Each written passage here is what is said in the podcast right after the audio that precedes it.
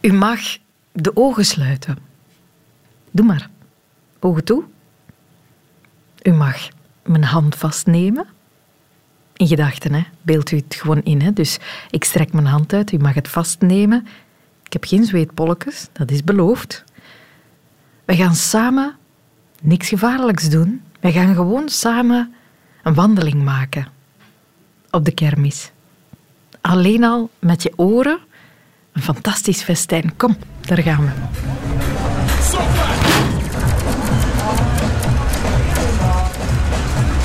nu de reis meemaken die ongelooflijk is met onze spooktrein. Okay, okay, here we go, here we go. Whoppa, whoppa, whoppa, whoppa. Yes, yo, yes, yo. Double D, double D. Amai, amai, amai. Come on. Eén ringval staat hier om te winnen. Eentje volledig rond de blok is hier gewonnen. En die komt u maar eens meedoen, dames en heren. Wachten de kansen. Komt u maar eens proberen. De speel van een iPhone, Xbox One, Playstation, Home Cinema, Wii, Nintendo Switch, Pocket Buy. En die superprijs hier om. De 25 kansen voor 10 euro. 60 Oké, zijn jullie klaar? Opgelet, we gaan starten. Valletje vast en rollen maar.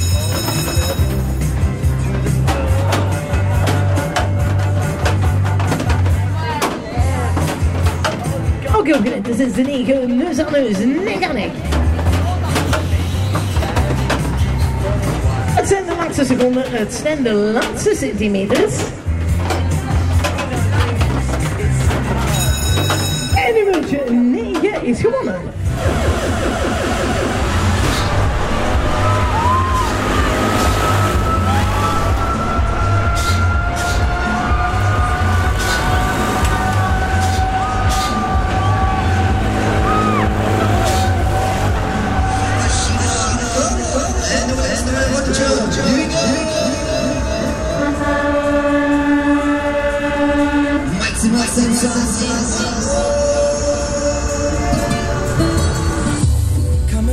Ik ballen voor 6 euro. Ik heb twee spelen voor 10 euro. Amateur wacht u ganske maar proberen. 100 ringen voor 30. Elke ring die u er rondnikt, elke ring die u er rondgooit, elke ring rond die blok is een cadeau, is een prijs.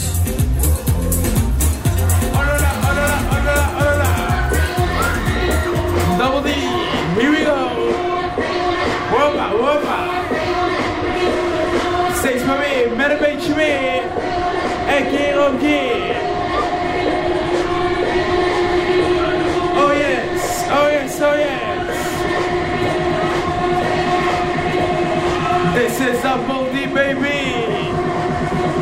Oh wee, oh wee, oh wee, yeah. Nu de reis meemaken die ongelooflijk is met onze spooktrein.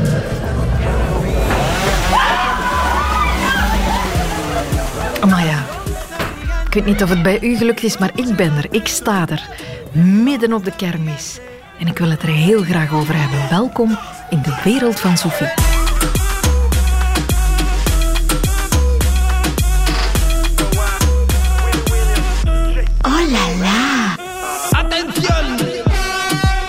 Blijven zitten alstublieft. Heel plezant, is voor iedereen. Eén keer per jaar zijn ze daar. In het dorp of in de stad waar je woont. En één keer per jaar trekken we er naartoe. Er naartoe gesleurd vaak door iets te enthousiaste kinderen die willen moeten vissen en schieten. En in spookhuis. En oliebollen en wat is nog allemaal? Die boksbal. Kom, Jeff, eens zien wie de sterkste is. Ondertussen boef, boef, pompende beats, fel flitsende lichten in het gezicht. Zo kennen we de kermis. En na een aantal uren zijn we blij dat we heel even naar huis kunnen om onze zintuigen een welverdiend, ontspannend badje te geven. Maar hoe is het aan de andere kant van het kraam? Hoe is het om voorkramer te zijn en in al die drukte te leven? Reporter Brecht trok naar de Sinkse Voor in Antwerpen. Altijd prijs. U mag hier altijd uitkiezen. Wow. Altijd, altijd, altijd prijs. U mag hier altijd uitkiezen. Amai, amai, amai. Come on, come on. En de kaartjes bovenaan de kassa voor die volgende ronde. Come on! We doen ons best. We doen altijd ehm, door de microfoon en ambiance maken. Dat is eh, het onderwerp van de Decadence. En dan ben jij de DJ. Ik ben eigenlijk de DJ, de licht-DJ, eh, de, de, de man die de personen laat draaien. Eigenlijk een beetje alles. Je moet alles kunnen. Heb jij zo van die jingles? Nee, dat, dat doen wij niet. Want eh, als we bijvoorbeeld vijf weken op een kermis staan en we doen altijd dezelfde jingles, dan worden de mensen tegenover ons helemaal gek van die, van die geluidjes. We doen wel altijd variëren met de praten en eh, Live. live, alles live. Jij ziet er nog vrij jong uit. Is dit nu een vak voor het leven? Eh, ja, ik ben erin opgegroeid met mijn ouders. En ik doe dit nu een jaartje al. En eigenlijk, ik kan het niet zo zeggen, maar eigenlijk heb ik geen andere keus. We zijn erin opgegroeid en zo hebben we het geleerd en we willen niks anders. Je, je kent niets anders. Ja, het is niet van niks, niks anders kennen, want we kennen best veel. Maar het, we willen niet anders. We willen de, de, de stijl van onze ouders voortdoen en van onze grootouders en daar nog eh, jarenlang van terug willen we gewoon verder zetten. Ik laat u even aan de koppen draaien, hè, want We kunnen een beetje erin stappen, come on! Dus ja. Binnen een paar minuten en nu wordt het een nieuwe ronde. 2, 1, vol. Dat maakt niet uit, ze betalen toch 5 euro, dus ze moeten altijd dezelfde show geven. En zo heb ik het geleerd van mijn ouders en zo wil ik het ook voordoen. Mijn, mijn moeder deed het en die heeft erin gestaan tot haar 89 jaar. En nu is ze in februari juist gestorven. De laatste keer dat we hier gestaan hebben, was ze 89 en dan heeft ze nog het ganse jaar meegewerkt. het is geen job, hè, het is een leven. Ja, het is ons leven, het is ons werk, het is ons hobby, het is alles. We, we kunnen niet zonder. Vissen naar eentjes, het blijft iets raar, hè? Ja, dat, dat blijft erin en dat gaat altijd generaties verder. En iedereen zegt altijd, ik heb dat ook vroeger gedaan en ik heb hier ook nog geweest. En, en dat worden ze niet beu, hè. Ze komen hier voor de sfeer, voor de gezelligheid. Ze, ze staan van tijd te wenen en ze beginnen te vissen en, en, en ze stralen het uit, hè. Maar u straalt ook een beetje. Ja, dat zeker, dat moet, hè. Ik kan hier moeilijk met zijn gezicht zitten. We, we moeten eh, ons gezicht, als we in het kraam staan, we hebben ook ons verdriet achter de schermen. Maar dat kunnen we niet maken voor het dan eh, te zeggen, hè. dat kan niet. En mijn moeder heeft het me ook altijd geleerd. Altijd met een smile, altijd in het kraam staan, dat trekt het volk aan. Ja, want u staat er nu in het roze plusje, moet ik het zeggen. Het is allemaal verlicht, het is mooi, hè? Het is, u, en u straalt daar middenin. eh. Ja, kitscherig, hè. Dat moet, hè. Dat trekt aan, hè. Ander- Als het eh, eentonig is, dan is het niet wat dat moet zijn, hè. Het moet de kinderen aanlokken, hè. Story begin, we're going out on our first date. Zo eentje. Je moet alle blik af de plank. Vijf ballen. Alle blik af de plank is één keer winnen. Alle blik van de plank één keer winnen. Je hebt vijf ballen om dat te doen. Leaving, get in a taxi. Kiss in the backseat, tell the driver make the radio play. And I'm singing like. Ik ben geboren op de kermis. Dan, ik ben altijd op de kermis. Ah, Mijn leven is op kermis. En als, als we zitten met covid, het was tristig voor ons, hè. Voilà. Nu, we zijn allez, met veel plezier op kermis. Mevrouw, ik ben met u aan het praten, maar on- ondertussen klinkt u ook door de, door de boksen. Iedereen hoort ons. Ah ja, en dan? Dan niet. Maar ah, dat wel. Allee, op kermis, we zijn een grote familie. We zijn, allee, als iemand heeft een probleem, we gaan altijd helpen. Voilà. Het is zo. Wat is vissen, madame? Hem eens vissen, zei altijd prijs. Hij mag altijd iets kiezen, laat hem eens vissen. Ja, we moeten ook moeite doen, hè? U gebruikt geen microfoon. Nee, dat niet. Dat niet. Hierover wel, maar dat doe ik niet. Dat, dat, dat hoeft hier ook niet. Dat hoeft hier ook niet. Die is wel, maar ja, dat is de Frans sprekende en die, die probeert dan het in het Nederlands. En, en stoort dat een beetje? Want dat hoort er wel bij, hè, bij zo'n voor. Dat gewoon, hè, dat muziek, de sfeer. De mensen aanspreken. Iedereen durft. Mijn man durft dat niet. Maar ik, ik heb... Maar het is ook een voorkramer. Ja, ja, ja, ja. Maar die heeft altijd aan de kindermolen gestaan. Hè. En ik sta hier van mijn 16 jaar in. En mijn moeder zei altijd, spreek de mensen aan, spreek de mensen aan.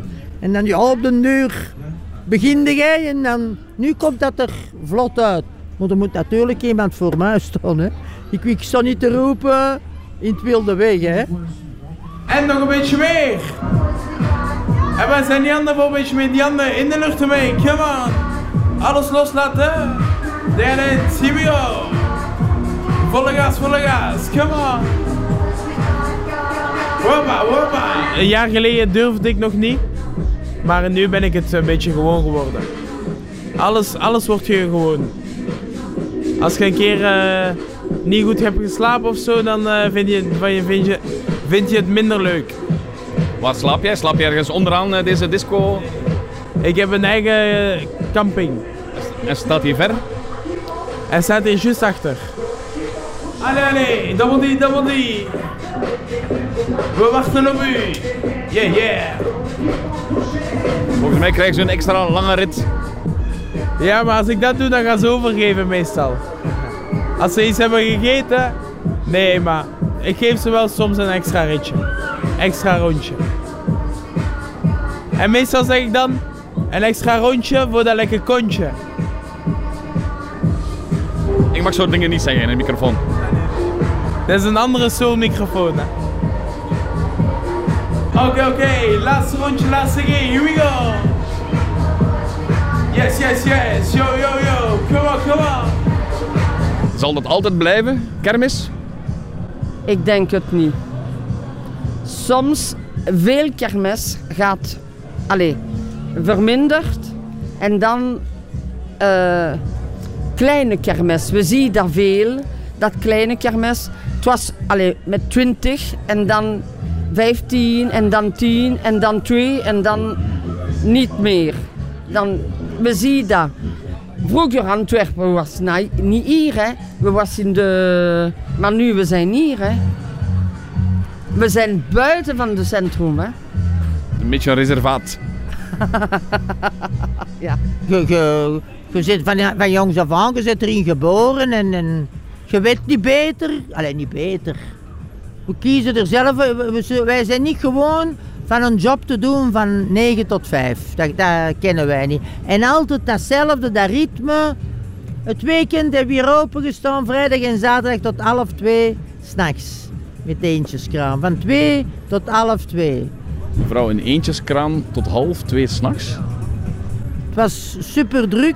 En dan ja, we blijven hier. eh, nee, nee, er valt niet te klagen. Zeker voor de moment niet. Voor de moment. Na die coronaperiode kunnen we zeker niet klagen. Op geen één kermis, hè? Het is, eh, overal zijn de mensen tevreden. Mevrouw, zou u het uw kleinkinderen aanraden? Ik denk dat wel, joh. Er zit nog toekomst in zo'n visspel dat hier nu onder ons aan het draaien is. Ja? Kinderen zullen er altijd zijn, hè? En de ouders weigeren niet rap van te zeggen: je niet vissen. Dat zeggen ze niet rap. Hè? Van tijd hoor ik ook al eens zeggen: dat, dat kun je in de winkel ook kopen. Dan zeg ik, madame, als je naar de winkel gaat, dan zit ontwinkelen. Ik zeg, als je hier komt, zit je aan het kermisferen. Altijd prijs is vissen. Ik denk dat de mensen van de kermis moeilijk op één plek kunnen blijven en blijven wonen vooral. Ja, en als je burenbeur zit, eh, heb je om de zes weken een nieuwe. Hè. Ik vind uw overbuur echt lastig. eh. Luid, luid, luid. Ik heb ze ieder jaar voor mij en eh dat worden gewoon... Ja, ja, ja. Die zie jij op alle, alle foren, alle kermissen Ja, terugkomen. ja, ja, die is eh, altijd eh, op de kermis. Niet altijd per se naast mij, maar eh, wel eh, altijd wel in de buren. eh, of ongeveer, ja, op de kermis hè, natuurlijk. De Air Max is helemaal wild aan het doen nu. Ja, het is eh, luidruchtig. Ja. Moet een beetje eh, harder beginnen te spreken tegen de klanten.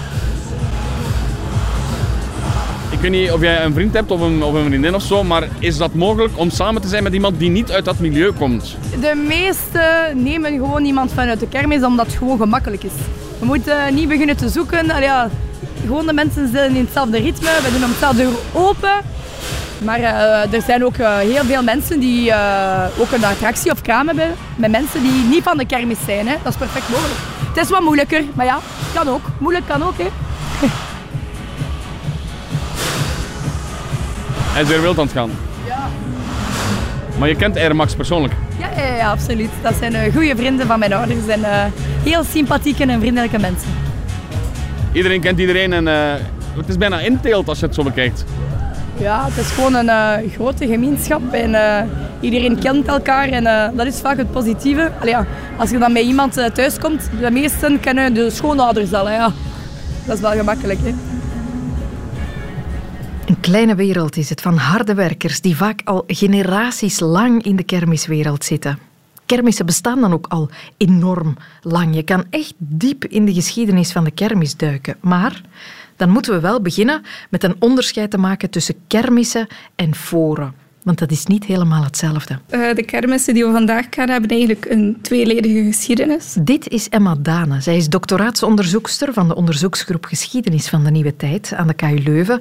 En zij is volop bezig aan een doctoraat over kermisvieringen in de Spaanse en de Oostenrijkse Nederlanden. Dus enerzijds heb je de, de foren, de jaarmarkten. Die kennen we eigenlijk al van in de middeleeuwen. Dus dat waren echt steden die dat initiatief namen. Zij sturen een verzoekschrift naar Brussel en zo kregen zij in feite een jaarmarkt om hun handel ehm, ja, eh, Aan te zwengelen. ja, aan te zwengelen eigenlijk. Mhm. Dus dat is echt iets van de steden. En eh, voorbeelden daarvan, ja, het woord zegt eigenlijk zelf al, voor de Sinkse voor bijvoorbeeld in Antwerpen, maar ook de Mei voor in Brugge, eh, de Paas voor in Kortrijk. Maar anderzijds heb je ook de kermissen die voortkomen uit de kermissen zelf. Dus eigenlijk wat men in het ancien regime kermissen noemde. En dat Mhm. waren eigenlijk de kerkmissen, dus kerkwijdingsfeesten. Dat waren katholieke feestdagen eigenlijk, waarop dat men de, de wijding van de parochiekerk herdacht. Dus daar komt eigenlijk het woord kermis vandaan. En ja, men verbindt dat niet eigenlijk met de kermis zoals we die vandaag kennen, maar toen was dat eigenlijk een heel belangrijk feest, zowel in de stad als op het platteland.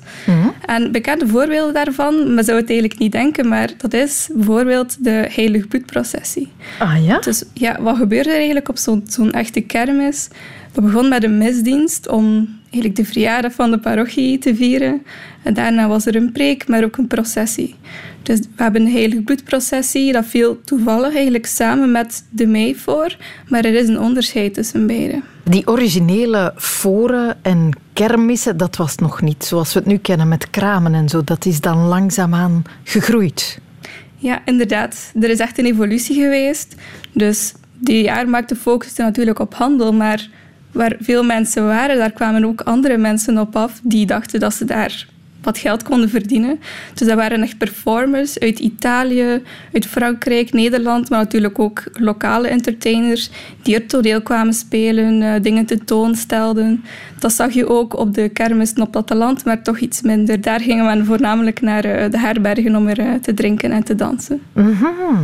Als we gaan kijken naar zo de eerste kermiskramen, wat kon je daar beleven? Wat kon je daar zien? Maar dat was eigenlijk heel, heel divers. Eh, we weten bijvoorbeeld vanaf de 16e eeuw al dat daar eh, paarden waren die door een hoepel konden springen. Er waren een aapjes die, die soms werden ingevoerd vanuit de kolonies, de Britse en Nederlandse kolonies. Die daar dan, bijvoorbeeld in Brugge was dat dan, die gingen dan kaarten. Ehm, maar ook bijvoorbeeld mensen die tentoon werden gesteld. Ehm, exotische mensen, dus indianen bijvoorbeeld. Maar ook eh Siamese tweelingen, dat waren dan vaak ouders of familieleden die, die op die manier eh, ja, geld proberen te verdienen. En zo gingen rondreizen eigenlijk met, met ja, een, een misvormd familielid of, of ja... Ja, de zogenaamde freakshows. Ja, klopt. Dat Ja. was eigenlijk al eh, ja, een ding, vooral tijdens de foren. Dat begint in de 16e eeuw. U doet onderzoek naar de kermis in de 17e en de 18e eeuw. Hoe ziet de kermis er dan uit? Wel, eigenlijk was er sprake van zowel innovatie als diversifiering. Dus er was meer variatie op vlak van entertainment. Ze kwamen ook van verder. Zeker in de 18e eeuw, omdat het, het wegennet er beter uitzag. Dus men kon ook sneller reizen tussen steden. Er was echt wel een, een netwerk van jaarmarkten. Dus men kwam heel bewust vanuit Italië richting Vlaanderen, richting de Republiek. Ze hadden echt een kalender waar ze al die, die jaarmarkten of kermissen op platteland gingen meepikken en er zo eigenlijk hun beroep van maakten. Dus het begrip forains, dat bestond eigenlijk al sinds de middeleeuwen. Ah ja, en dan krijg je die reizende gemeenschappen, de kermiskaravaan, zoals die vandaag nog steeds langs onze steden trekt. Ja, ja zeker. Dus bijvoorbeeld vanuit Italië, daar waren ze vooral ja, ehm, geprofessionaliseerd op vlak van uh, curiosa. Dus bijvoorbeeld een schip en een fles, een embryo op sterk water, maar ook uh, de toverlantaarn. En dat is een soort van cinema avant la lettre. Dus ze hadden een, een lantaarn en zo gingen ze eigenlijk een schaduw projecteren. En dat was een soort van, van cinema eigenlijk. Wanneer doen dan zo de, de mechanische dingen hun intrede op de kermis? De grote draaimolens en zo? Dat is eigenlijk voornamelijk de 19e eeuw. Dus echt wel met de opkomst van, van mechanische ja, bijvoorbeeld ook automaten, zo die, die soort van robots. Dat was ook iets van, van het begin van de 19e eeuw. Um, als we kijken naar het bureau voor 1800, dan gaat het eigenlijk voornamelijk om performers. Dus echt mensen die gingen koordansen of iets gingen tentoonstellen. Echt een opvoering doen. Die attracties, dat is iets van de 19e eeuw. Mensen kwamen altijd al om zich te amuseren, om zich uit te leven, zich te verbazen? Ja, klopt. Dat was eigenlijk, denk ik wel, een van de belangrijkste redenen waarom men naar jarenmarkten voornamelijk ging. Ook omdat ze daar uh, ja, dingen konden zien waar ze eigenlijk naar verlangden of, of iets nieuws wilden zien, maar natuurlijk ook spulletjes kopen die men anders niet kon kopen. Naar de kerkwijdingsfeesten, een ander belangrijk element daar is echt wel dat religieuze. Dus men vergeet soms dat de kerk toen overal was. Het hangt ook samen met identiteit. Dus mensen identificeerden zich echt wel met hun parochie en gingen zo eigenlijk de verjaardag van hun parochie vieren. Dus dat hangt echt wel samen met dat plezier maken in de herberg. Het is eigenlijk een, een, collectieve verjaardag, zeg maar. Ja, ja, maar eigenlijk hoogdagen voor een gemeenschap wanneer de kermis plaatsvond. Ja, zeker. Want we weten ook bijvoorbeeld dat, dat, ja, dat er rivaliteit was tussen dorpen, vooral op platteland, ver van de steden. En men ging echt heel bewust wachten tot de kermis van het andere dorp om daar keten te gaan shoppen. Ah ja? Ja, ja. Om het feestje van de buren te verpesten. Ja, er is bijvoorbeeld een, een geval in, in Waals-Brabant waar tijdens de eerste kermis de andere groep kwam vechten. En om wraak te nemen heeft die andere groep dan gewacht tot de kermis van, van het andere dorp om daar terug te gaan vechten om wraak te nemen. Dus ook het vechten achter het botsautokraam op het dorpsplein, ook dat heeft al een zeer lange geschiedenis. Attention! Oh, oh, oh, oh la la. De wereld van Sophie. Winnaar. Dus voor iedereen. Ha, oeh, heftig. Ja. Sorry, ik weet het, ik weet het. Ik probeer mij gewoon auditief aan te passen aan de geluidstaal van het onderwerp. Om even te kunnen zeggen dat u luistert naar De Wereld van Sophie, een podcast, maar ook een radioprogramma dat u elke weekdag kan horen op Radio 1. Dat is telkens tussen 10 uur en 12 uur. Oh la la. Als u het type bent dat al eens een kermis bezoekt, dan is de kans groot dat u ooit al wel eens aanschoof aan een smoutenbollenkraam van Delforge. Want zij reizen met meer dan 30 wagens van voor naar voor, het hele jaar door. En de kermishistorie van de Delforges gaat een heel lijn terug tot begin 19e eeuw. François Delforge die is nu 87 en zijn levensverhaal valt helemaal samen met de kermis. Ik ben uh, voorreiziger van de zevende generatie. Mijn over, over, overgrootouders kwamen van Ardre in de Pyreneeën. En die gingen met een beer van dorp tot dorp, die ze liet dansen op de markt, uit toeren uitsteken. En natuurlijk, daarachter gingen ze rond met de schaal. Dus vandaar stammen we af. Hey, ja, ja, ja. Mijn vader die was uh, een motoacrobaat. Die reed dus met een moto met zijn zuster, met twee moto's, in zo'n La Boule Infernale. Dus, en die reden daarin, looping erin.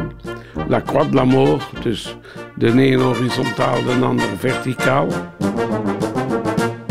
Ik heb het nooit gezien, want uh, ik ben geboren in 35 En toen ik voor het eerst papa zei, is hem gestopt. Hij zei, nu moet ik mijn leven niet meer wagen. Ik heb een zoon. En ik blijf niet meer zotte toeren uitsteken. Dan is hij met een menagerie begonnen. Een reizende zoo, juist voor de oorlog. Waar dat er 60 apen in waren. Dus eh, ik was vijf jaar als de oorlog uitbrak. Mijn vader, mijn vader was toen opgeroepen. De dieren werden allemaal afgeslacht door de politie voor de veiligheid. Moest er even zo'n bom vallen dat die kooien openbraken, dat de dieren weglopen. De schoonbroer van mijn vader, dat was de nougatbakker, een confiseur, ook op de kermis. En eh, we hebben heel de oorlog nougat verkocht. Waren er kermissen tijdens de oorlog? In tegenstrijding met de corona, ja, er waren kermissen tijdens de oorlog. De oorlog was gedaan en eh, mijn vader die is begonnen met een autoscooter. Enkele jaren totdat hem erin verongelukte. Een dodelijk geval.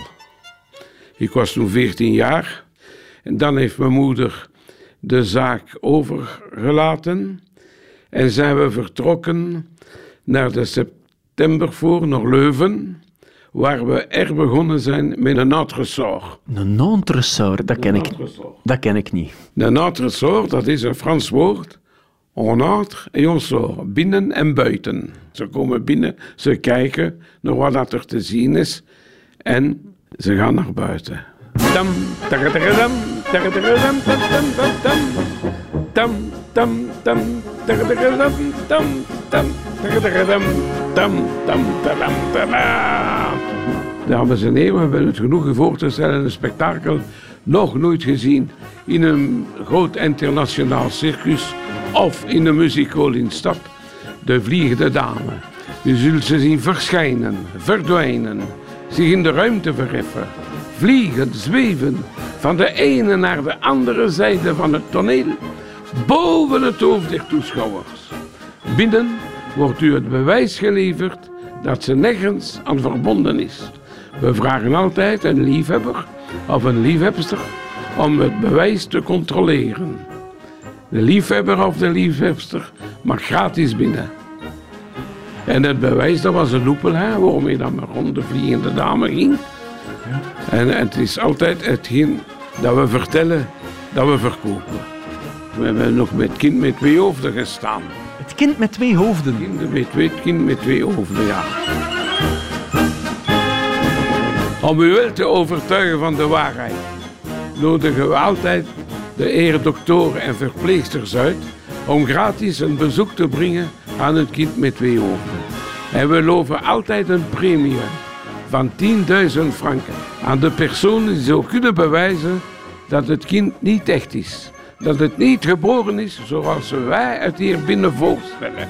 En dan hadden we een kader met 10.000 franken dat we lieten zien aan de mensen. Onmiddellijk betaalbaar hier aan de kassa. Heeft u het ooit moeten uitbetalen? Ah nee, want het kind was echt. Hè? Het kind was echt. Het was een fetus op sterk water, hè. Ah! Ah, ja, het was geen levend kind, hè. Is- Heeft u reactie gezien? De voilà. De rest komt vanzelf. En zo verder en zo verder, hè.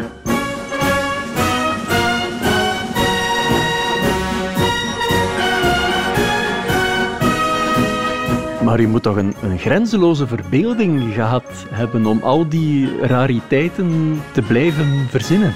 Dat is een beetje de oorzaak dat we mede een tijd overgeschakeld zijn naar, naar oliebollen. Daar heb je minder in- inspiratie voor nodig. Oliebollen zijn nu eenmaal oliebollen. Ja, het is te zeggen, als wij ergens geweest zijn met kind met twee hoofden, het jaar nadien moeten we niet terugkomen. Moeten we een ander kermis gaan zoeken. En dat was een eeuwig er beginnen van kermissen te zoeken. En zo heb ik mijn eerste oliebollenkraam gekocht. Tot nu toe, met mijn kinderen en mijn kleinkinderen, hebben we meer dan 30 kramen die in België reizen. En dus wordt de kermistraditie die al generaties lang bezig was, nog altijd verder gezet. Nog altijd verder gezet, ja, ja, ja, want ik heb eh, een nachter kleinzoon die nog maar 15 jaar is en die wil niet meer naar school gaan of naar het internaat. En die wil in zijn kraam staan op de kermis, eh, op de voren en kermissen. We zijn nu, François, op uw appartement, op uw gezellig appartement in Kokzijde. Mist u de kermis? Ja, ik mis het heel erg. Ik mis het heel erg. Ja, je bent erin geboren. Je bent erop geboren op de kermis en eh, grootgebracht. Ik heb het goed gemaakt ook. Ik mag niet klagen. Ik heb een prettige oude dag met mijn vrouwke. Ik zie dat al mijn kinderen ook gelukkig zijn op de kermis. Ik zou niet, niks anders willen.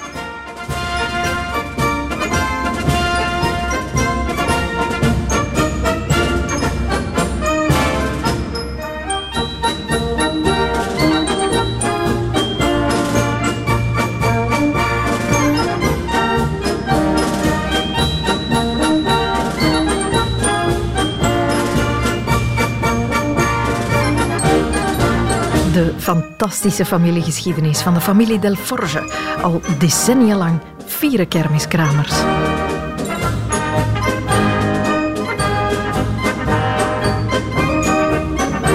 Een reportage van Bart Bogaert.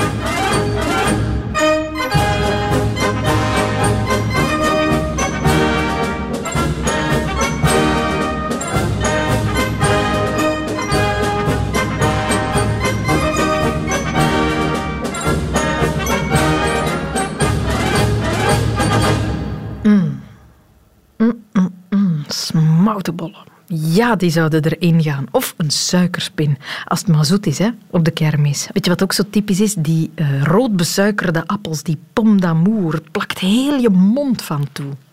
Waarom is dat net zo'n typisch kermiseten, vroegen we ons af. En dus belden we Yves Segers. Hij is professor rurale geschiedenis aan de KU Leuven en hij kent de geschiedenis van al wat op ons bord komt of in onze mond komt bijzonder goed. En wat blijkt?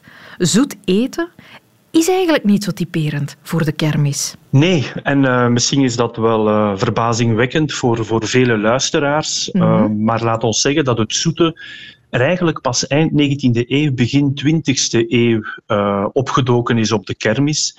En um, ja, als we verder teruggaan in de tijd, dan, dan zien we dat uh, taartjes toch soms wel gegeten werden op de kermis, maar zeker uh, en vooral uh, zoute snacks. Ah, ja. En dan denken we bijvoorbeeld aan gezouten vis, wijting, schartong, dat enkele dagen of, of soms zelfs langer gedroogd werd.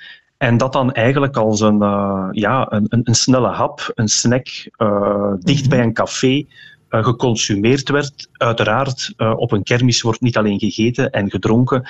En laat ons dan zeggen dat uh, zout een, een, perfecte combinatie is ja, om, om een pint bier of een geuze of een kriek te drinken. Ja, ja, ja. Want af en toe zie je nog wel frietkramen op de kermis. Die waren er dan eigenlijk ook al vroeg bij. Zeker en vast. En dan moeten we teruggaan naar de jaren 1830, 1840 ongeveer. Dan zou een, een Duitser, een zekere Jean Jean-Frederik Krieger, een man uit Beieren, die zou op de kermis in Luik uh, de eerste frietjes zoals wij die kennen, de staafjes, geserveerd hebben. En dat was blijkbaar een, een instant succes, werd snel gekopieerd, ook door anderen.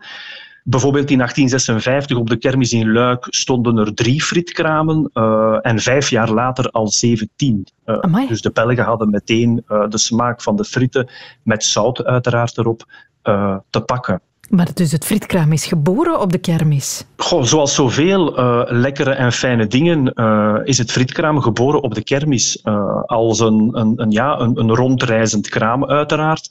En diezelfde Krieger die is dan, dan later begonnen met een vast, vaste frietzaak in Brussel.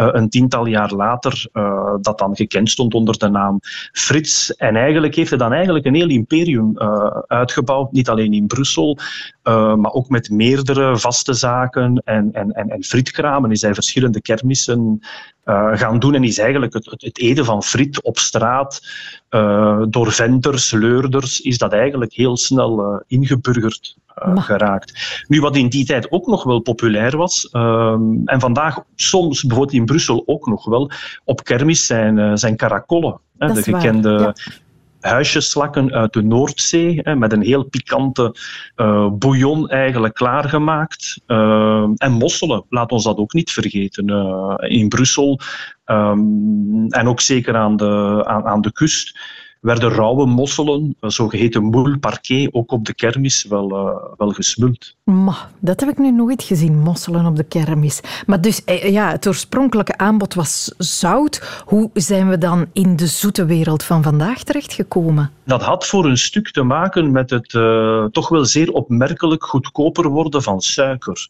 Suiker, uh, vandaag, we consumeren er te veel van en, en, en diëtisten en andere experts waarschuwen waarschuwen ons daarvoor.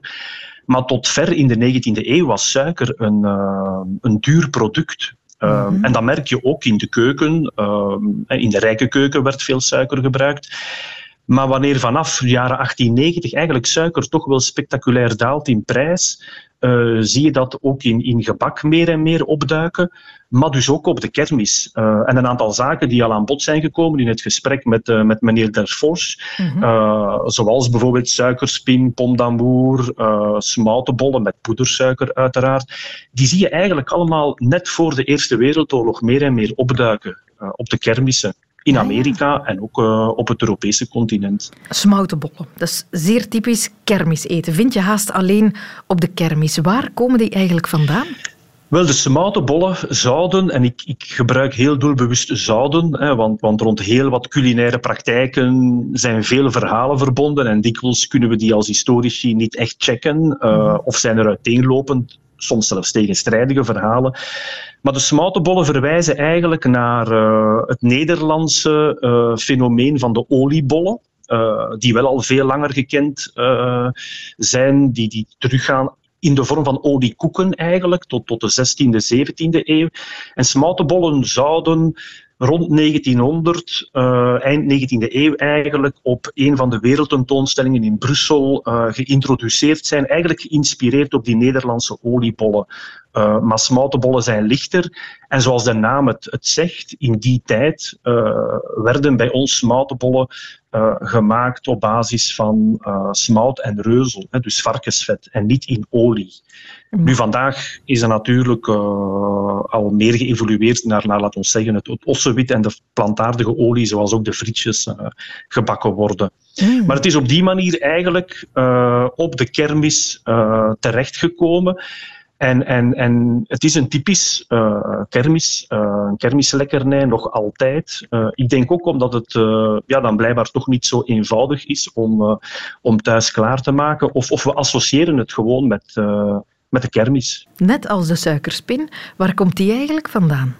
De suikerspin, in elk geval uh, de machine om een suikerspin te maken, uh, die zou in uh, de VS in 1900 door Thomas Patton gepatenteerd zijn. Een suikerspinmachine die effectief gemaakt was om suikerspin te maken uh, in circussen of op, uh, op kermissen.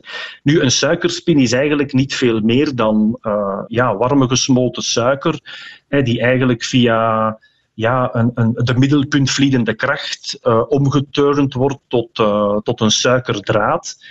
En op de kermis wordt die op een stokje uh, gesponnen. Maar dat principe gaat eigenlijk al terug tot, uh, tot de 16e eeuw, 17e eeuw. Zijn, zijn recepten gekend van, uh, van Italiaanse koks die daarmee hun bereidingen versierden. Maar dus de suikerspin zoals wij die kennen op de kermis, die gaat terug tot, tot 1900. En vanaf dan wordt die eigenlijk, ja, eigenlijk ja, verovert die, laat ons zeggen, de westerse wereld. Uh, in de VS heet die fairy floss. In Engeland spreken we van een candy floss. En, en er zijn heel duidelijke aanwijzingen dat ja, laat ons zeggen, reeds voor de Eerste Wereldoorlog op kermissen in, uh, in Vlaanderen en in Nederland ook, uh, zien we die suikerspin uh, opduiken. Nog zo'n kermissnack, dat is de lacman. Hoewel niet overal verkrijgbaar, dat zou vooral een Antwerps gegeven zijn. Klopt dat? Ja, ja, ja dat is een, een, een, een Antwerps gegeven dat horen ze natuurlijk graag in Antwerpen. Uh, ik ken ook mensen die zeggen, goh, eigenlijk is het toch wel meer iets van Luik. Maar ook hier komen we weer in dezelfde periode, begin, uh, begin 20e eeuw. Um, en het verhaal gaat als volgt. Uh, een, een, een, luikenaar, uh, Desiree Smits, die, die volgde een opleiding tot, uh, tot patissier, kwam in, in Rijssel terecht, um, waar hij werkte bij Berthe Lacman, een, een, een, lokale pasteibakker. En um, Goh, blijkbaar had hij toch wel veel meer zin op een bepaald moment om uh, de lange omvaart uh, op te zoeken. Hij gaat naar Antwerpen, maar vindt blijkbaar geen werk uh, aan boord van een koopvaardijschip en, en neemt dan zijn oud-employ op, pasteibakker. Gaat op de kermis werken en als een soort van eerbetoon aan zijn oude werkgever Berthe zou hij dan die dunne ovale wafel zou hij die eigenlijk uitgevonden hebben. Hè. Je snijdt die in de lengte open en uh, je doet daar wat vloeibare kandijsiroop tussen. En eigenlijk zijn dat de lakmans, uh, mm. of de lakmans, uh, zoals ze dan in Antwerpen verteld worden. Die Desiree Smits, na een aantal jaren verhuist die opnieuw naar Luik en die blijft daar lustig verder zijn lakmans of lakmansen verder bakken. En dus ook in Luik uh, zijn ze toch wel een, uh, een gegeerde snack op de, op de grote kermis. Ja, en zo ja. zie je eigenlijk dat heel wat van die gerechten, uh, dat die reizen eigenlijk. En dat dat eigenlijk ook heel veel vertelt over hoe onze eetgewoonten en eigenlijk ook ons vermaak al, al vanaf eind 18e eeuw of begin 19e eeuw geglobaliseerd geraakt. Het plezier dat wij met z'n allen vinden op een pleintje vlak bij ons in de buurt, dat onze kleine gemeenschap samenbrengt en waar we onze kleine gemeenschap komen vieren, is eigenlijk één groot internationaal plezier voor werkelijk alle zintuigen. Leef de kermis. Een reis meemaken die ongelooflijk is.